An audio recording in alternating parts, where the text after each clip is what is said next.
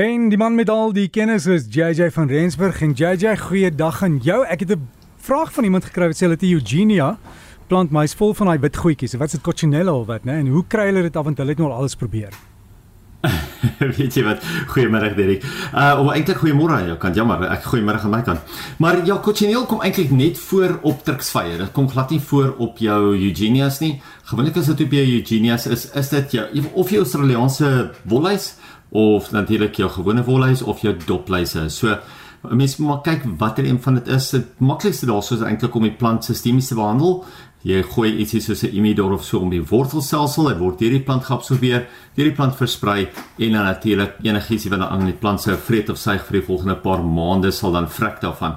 So kry jy iets soos imidor Die rede hoekom ek um, eerder sistemies wil gaan as um, net oppervlakkige behandeling is omdat die plante baie keer baie groot is, baie hoog is en baie dig is dat mense nie altyd by al, al die probleme kan uitkom om hulle fisies raak te spuit nie. So ja, is vir my ook baie makliker en beter om dit ehm um, sistemies te behandel deur die grond, deur die wortels. So Imidor is 'n baie goeie produk om daarso te gebruik.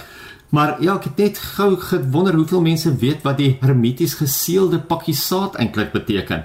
Beteken maar net hy's ligdig geseël. So As jy al ooit 'n pakkie saad oopmaak, hy moet ligtig geseël wees sodat die saad binne so vars as moontlik vir so lank as moontlik bly, sodat jy natuurlik 'n baie goeie ontkiemingspersentasie het. En ja, is belangrik nogal um ek was al by Meyford se um laboratoriums gewees waar hulle eintlik vir ons gewys het dat die saad moet ek dink dit is 'n uh, 92% of hoër ontkiemingspersentasie hê, anders mag hy nie op die rakke verskyn nie.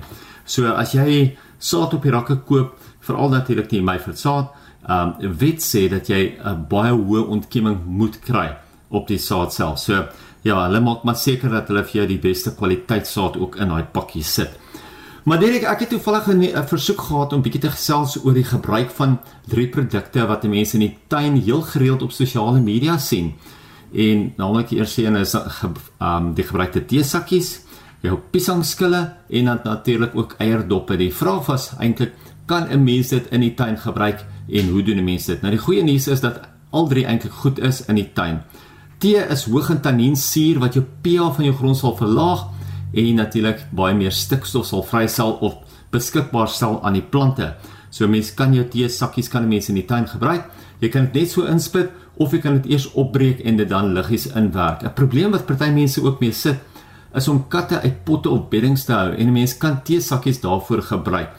Nou is eintlik waar 'n mens hier so 'n sterk rykende spierverslapper kan opsmeer of opspuit en dit dan in die probleemarea sit en dit sal so help om die katte uit daai bedding uit te hou. So ek weet uh, baie mense het altyd 'n probleem met 'n bier 'n uh, bierkat of 'n buurtkat wat eintlik daarso in jou tuin ehm um, dit 'n toilet van die tuin maak. So 'n mens kan daarso die teesakkies gebruik. Nou piesangskille is ook 'n baie goeie bemesting, maar dit is weer hoog in kalium. Nou hier kan mense dit in die grond inwerk of jy kan tee daarvan maak deur dit in fyn stukkies op te sny en in geseelde botterwater te sit vir 'n week of so en dan jou plante daarmee nat te gooi. Mens kan dit ook droog, jy kan dit fyn maal en dan as 'n organiese bemesting op die grond om jou plante strooi. En die laaste een is natuurlik eierdop. Nou eierdop is weer hoog in kalsium. En kalsium is wat ons gewoonlik in die vorm van beenmeel by ons plante inwerk met die aanplanting vir wortelontwikkeling. Mens moet maar net verstaan dat dit baie stadig in die grond afbreek. So ja, jy kan dit net so gebruik of jy kan dit fyn maal en as jy dit dan gebruik nadat jy dit fyn gemaal het, sal dit baie vinniger afbreek. Margaret Roberts het ook altyd gesê dat as 'n mens eierdoppe uitdroog op 'n lae temperatuur in die oond fyn maak en om die plant te strooi, sal jy ook baie minder probleme met slakke en naakslakke in die tuin hê. Wat belangrik is is um wat mense moet onthou is met al die verskillende kunsmisse wat ek nou net genoem het of die bemessing wat mense wat ek nou genoem het. Mense moet nie net op dit staat maak nie. Jy kan dit gebruik as aanvulling op jou plante, maar moenie net dit op jou plante gooi en dink jou plante gaan floreer nie. Is maar net mense wil dit nie noodwendig net weggooi nie. Jy wil dit ons steeds kan gebruik in die tuin en al drie van die bogenoemde kan 'n mens dan gebruik in die tuin.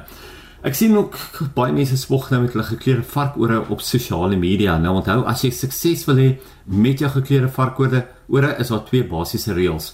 Volson vir ten minste die helfte van die dag en nie te veel water nie. Nou wit en groen varkore wil baie water hê en kan selfs in water staan, maar die gekleurde variëteite um verkies 'n droër bedding. So onthou nou, min water en lekker baie son Hoe meer son natuurlik, hoe beter.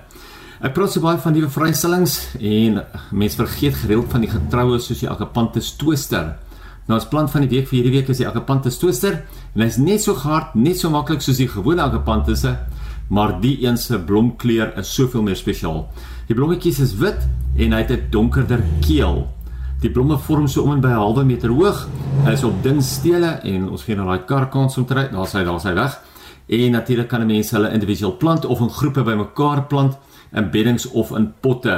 Vol son is die beste vir jou agapantusse, maar gelukkig kan hulle ook halfson hanteer. Maar as jy nou 'n interessante kleur soek, gaan kyk bietjie die kwekery, by die kwekery vra bietjie vir hulle, hoe lyk die agapantus twister? Hy's 'n pragtige wit blommetjie met 'n blou uh, keel. Ons so gesels JJ van Rensburg met ons tuinpraatjie en daai fotos is op die Gardens by JJ Facebookblad gaan loer daar. Gaan kwekery toe, vra vir dit, plant dit en ook sterkie met daai teesakkies. Wat hulle sê die katte en goed gaan weghou. Hm, dankie vir daai raad, JJ.